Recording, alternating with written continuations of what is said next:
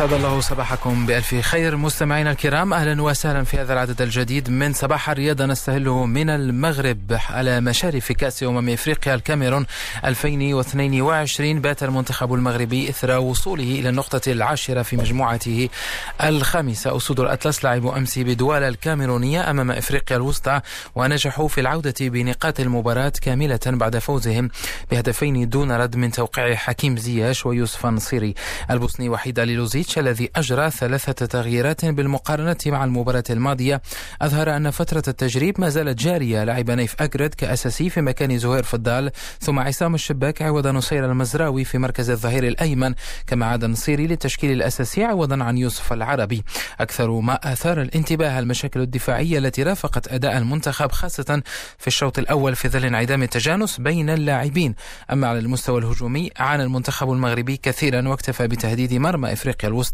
عبر الكرات الثابتة التي نفذها حكيم زياش رغم كل هذه المعطيات تحقق المطلوب في انتظار نقطة تحسم أمر التأهل في آخر جولتين شهر مارس المقبل. في باقي نتائج المنتخبات المغاربية تأهلت تونس رسميا بعد تعادلها على أرض تنزانيا بهدف لمثله بعد أن وصلت إلى النقطة العاشرة في صدارة المجموعة العاشرة.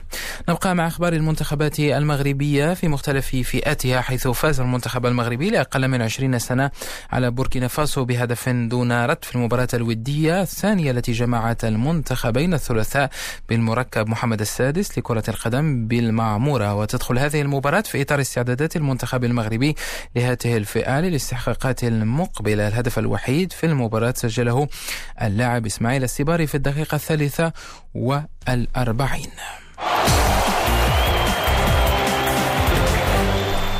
كرة القدم الأوروبية الآن والبداية بالحديث عن دور الأمم الأوروبي. إسبانيا أمس عبثت بمنتخب ألمانيا بعد أن أثقلت شباكه بستة أهداف كاملة سجل منها الشاب فيران توريس ثلاثية.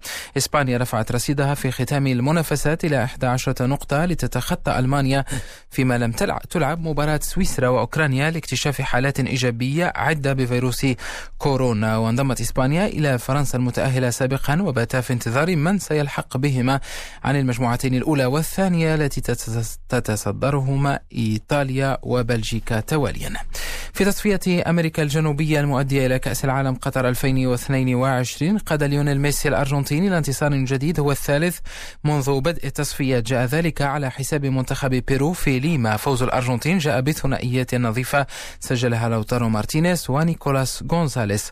الأرجنتين أصبحت في المركز الثاني بفارق نقطتين عن المنتخب البرازيلي المتصدر والفائز فجر اليوم على الأوروغواي بهدفين دون رد سجلهما أرتورو وريتشارليسون. في باقي النتائج الباراغواي تعادلت أمام بوليفيا بهدفين لمثلهما والإكوادور سحقت كولومبيا بستة أهداف لواحد. في موضوع آخر أعلن الاتحاد الدولي لكرة القدم الثلاثاء أن منافسات كأس العالم للأندية لكرة القدم المؤجلة بسبب تفشي فيروس كورونا ستقام بين فاتح وحادي عشر فبراير 2021 في الدوحة. وكان مونديال الأندية الذي يجمع بين أبطال المسابقات القارية الأولى بالإضافة إلى ممثل عن البلد المضيف من المقرر إقامته في قطر في دجنبر 2020 نختم بالحديث عن كرة المضرب حيث تفوق النمساوي دومينيك تيم على الإسباني رافائيل نادال بعد مباراة رائعة الثلاثاء في لندن في بطولة الماسترز الختامية للتنس وبلغ تيم الدور نصف النهائي